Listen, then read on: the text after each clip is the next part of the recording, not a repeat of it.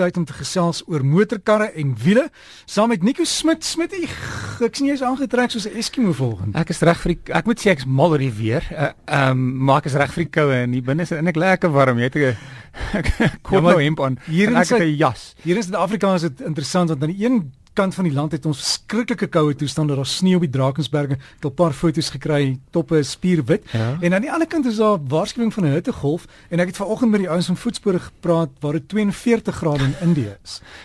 so, so is nogal 'n variasie. Ek moet sê, ek is bly dis naweek. Dit is nog niks slegter om te werk as dit so hierdie weer is nie. So ten minste ek by die huis wees en en as jy as jy nie werk nie. Hmm. So ek ek geniet ek geniet hierdie weer regtig baie. So as jy nou een van hierdie nuwe motors het en jy ry op 'n oggend wat so koud is en jou motor gaan iewers waar dit laag is, weet soos in 'n dippie of 'n ding en hy gaan ping en al die liggies kom aan. Hoekom doen 'n kar dit as dit so koud is? Ehm um, wat wat, um, wat gebeur is baie voertuie um, dit gaan eintlik oor vir Europese toestande. Ehm um, as jy op 'n sekere temperatuur omtrent hier by 3 grade kan jy swart ys kry. So wat gebeur ah. as dit gereën het? Dan ehm um, kan die reën ehm um, uh, ys word, maar jy kan dit jy kan dit nie sien nie, maar dit is ongelooflik glad. So baie voertuie dan so sneeuvlokkie. En eintlik wat die sneeuvlokkie waarskuwing is in Suid-Afrika, by, by omtrent 3 grade of daar rond gaan gaan jy die sneeuvlokkie kry en dis 'n waarskuwing dat jy moontlik swart ys kan kry. Nou eh, by ons is die kans redelik skraal um, dat dit kan gebeur, maar dit kan gebeur. So dit kan gebeur dat jy byvoorbeeld nou in die Drakensberge ry en dit het, het gereën en dan daal die temperatuur. So dis maar dis waarvoor daai waarskuwingkie is is vir swart ys. Ja, ek ken hom want ek het amper my my eerste kar wat dit ingegaan het omgegooi tot daai ligjang want ek het my dood geskrik. Wat dink jy kar gaan ontplof as jou laaste waarskuwing?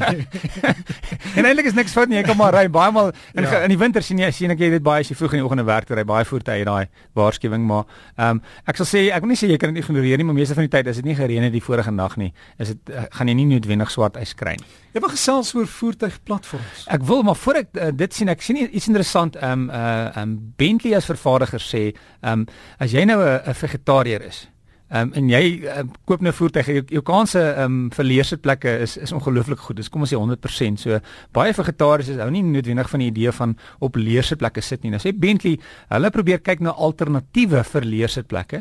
Ehm um, een van die opsies waarna kyk om sitplekke te maak van sampioene. Ek weet nie regtig hoe hulle dit gaan doen nie.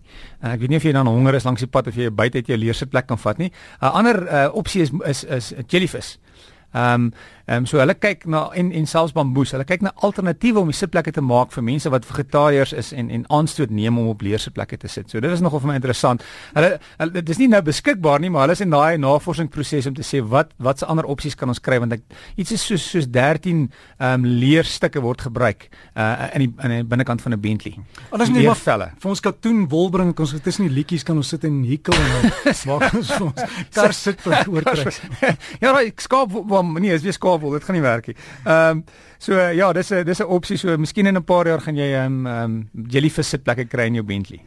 So nou die voertuig nou die platform. So hoe platforms werk is um, en dit kom eintlik al lank al um, die draai van die eeu al was het vervaardigers gesê kom ons om kostes te bespaar, kom ons maak dieselfde platform. Op daai tyd was voertuie het leerrame gehad en bakkies vandag is nog steeds 'n leerraam so die die onderstel lyk like amper soos 'n leer uh, met met gedeeltes binne-in en dan kom die bak uh, in die kajuit kom word dan bo-op gemonteer. Vandag is is alles gewoonlik een gedeelte in Engels praat hulle van monocoque met ander woorde is een stelsel, maar om om kostes te spaar daar is die ondergede onderstel gedeelte met ander woorde die die suspensie, ehm um, die elektroniese gedeeltes uh, is alles dieselfde en dan is dit 'n geval van jy kan die, die platform langer of korter of wyer of nouer maak en dit help jy dan om, om baie kostes te bespaar want jy ontwikkel een platform en die buitekant lyk dan anders. So as jy na die buitekant kyk dan lyk dit vir jou anders, maar wat onder dit gebeur is dan dieselfde. So die vervaardiger sit baie geld in navorsing in in 'n platform en dan die platform word ontwikkel met sekere veiligheidsstelsels en dan word daai stelsels ehm um, kan gedeel word. So dit maak dit makliker in in verskillende fabrieke dieselfde goed te doen, mense dieselfde ehm um, goeders te leer en dan is dit makliker om om om die voertuig aan mekaar te sit. 'n 'n voorbeeld wat baie gebruik word is is Volkswagen het 'n uh, die groep het 'n platform MQB en dit staan vir vir voertuie wat se engines dwars gemonteer word en dit word dan gebruik in ehm um, Volkswagen Golf, die nuwe in Suid-Afrika byvoorbeeld, die nuwe Golf, die nuwe Passat, die nuwe nuwe Tiguan, ehm um, die Caddy Ehm um, en dan ander vervaardigers soos Audi byvoorbeeld die A3 en die TT en dan gebruik dan almal dieselfde platform.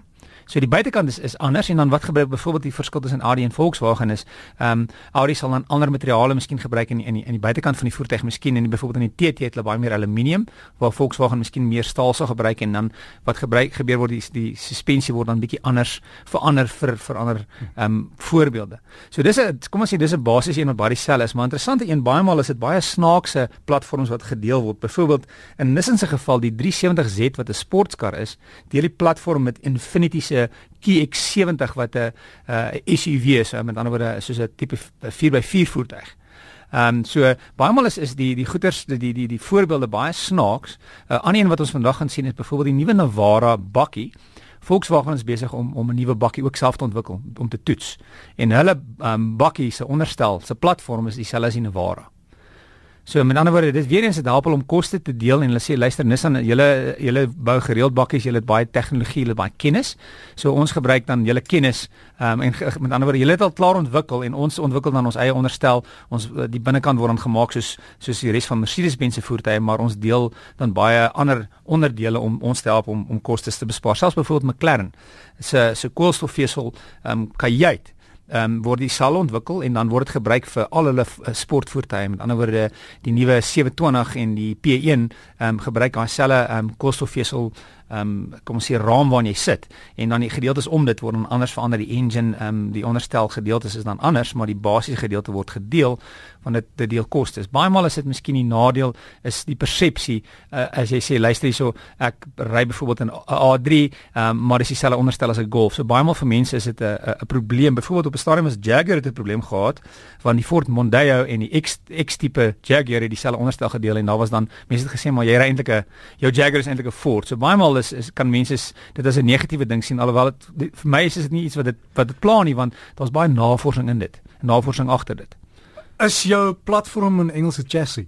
Ja, ehm um, nee, ja, kom ja, die platform kan kan jy jy kan praat van 'n chassis. So die chassis is dieselfde, maar die chassis is dit dit is baie kompleks. Dit is nie noodwendig 'n een, eenvoudige deel gedeelte nie, maar die kom ons sien die naam in Engels is dan die die chassis, die chassis van die van die voertuig as dit beteken. Selfs engines word baie maal gedeel tussen vervaardigers. Byvoorbeeld die vorige Mini het 'n 1.6 engine gehad wat ook in 'n Peugeot en 'n Citroen was. Ehm um, byvoorbeeld as jy 'n Mercedes-Benz uh, A180 diesel koop, is, is daai engine is ontwikkel deur Renault. So baie maal dink jy oor my voertuig het hierdie engine, maar die engine is eintlik deur 'n ander vervaardiger ontwikkel. Ehm um, Mercedes-Benz het baie maal uh, op 'n stadium Sangyong met hulle engines gehad. So dis nie iets niets nie, maar dit help vervaardigers om om kostes te deel. En dit gebeur wanneer jy aan 'n motor moet laat werk en hulle sê vir jou maar hoor hierdie parte kan ons en sien nie maar dis nie dis nie die kar dis hulle nie nie maar daai parte pas. Ek het onlangs 'n geval gehad met remskoene mm -hmm. wat vir my fabrikant het hulle gesê of hulle moet dit invoer Maar toe kyk hulle in 'n boek, dis hulle nie maar hierdie hierdie model sin gaan op myne pas. En dit is baie goedkoper. Ja, dis die, en dis baie maal die geval veral as jy voertuig bietjie ou uh, ouer is en daar daar um, jy wil parte uh, koop kan jy sê hoorie maar dis dis as eintlik goedkoper parte erns anders en kan jou help. So 'n bietjie navorsing kan jou help en dis so dis hoekom platforms kom al vir jare. Ons besef dit nooit nie noodwendig nie want jy dink is nou 'n nuwe voertuig of hoe die twee voertuie is anders en eintlik deel hulle dieselfde tegnologie. En het dit ook te doen dan met jou grootte van jou wiele? Kyk, die grootte van die wiele is dan meer ehm um, ehm um, ehm um, om om te sê kom ons sê die dierdervoertuig het het groter wiele. Nou wat dan eintlik die velling is eintlik groter, maar die wiel is eintlik dieselfde grootte. So as jy nou byvoorbeeld sê luister hierdie wiel lyk groter. As jy sê nou maar 'n 16 duim velling op dieselfde voertuig en uh, teenoor 'n 18 duim velling vat en jy hou die die die bande teenoor mekaar is die hoogte dieselfde, want die die die omtrek van die band moet dieselfde wees. As die omtrek van die band anders is, dan beteken dit dat jou jou jou topspoed is anders en 0 tot 100 is anders, jou brandstofverbruik word geaffekteer. So as jy na die buitekant van die voertuig kyk, kom sê op 'n platform dan um, kom ons neem dan 'n Golf as 'n voorbeeld. Jy het 'n 16 duim teenoor 'n 18 duim um, velling, met ander woorde 'n mag. As jy die twee bande uh, bymekaar hou, is die hoogte dieselfde. So dit lyk visueel dalk groter, maar dis maar eintlik dieselfde grootte. Dankie, Smitty, dankie. Net net gou raad as mense nou in die nat toestand in Suid-Afrika moet ry. Ehm um, volgafstand is is die grootste ding en en en spoed, maar volgafstand sal ek sê meer want ons is geneig om selfs as dit droog is te naby mekaar te ry. So as dit reën hou 'n groot volgafstand. As jy dink dis gemaklik, maak dit dubbel. Ehm um, dit in in in 'n droë toestand 2 sekondes, met ander woorde as jy ry, kom ons sê daar's 'n lampel en hy's in 1 en as in 2 moet jy by die lamp al wees. As dit hard begin reën, 4 sekondes. So dit voel vir meeste mense te veel, maar groot volgafstand is is die groot ding. As iemand agter jou sit, gaan eerder links en laat hom verbygaan. En natuurlik die spoed volgens die toestande. So hoe meer dit begin reën en sê maar 120 km/h pas jou spoed aan bly die vinnige baan uit. Baie daar's altyd mense wat te vinnig ry. So, ehm um, hou eerder uit die vinnige baan uit en die ouens wat te vinnig wil ry, laat hulle eerder verbykom. Nicole, is van die beste lekker naweek. Lekker naweek vir jou ook.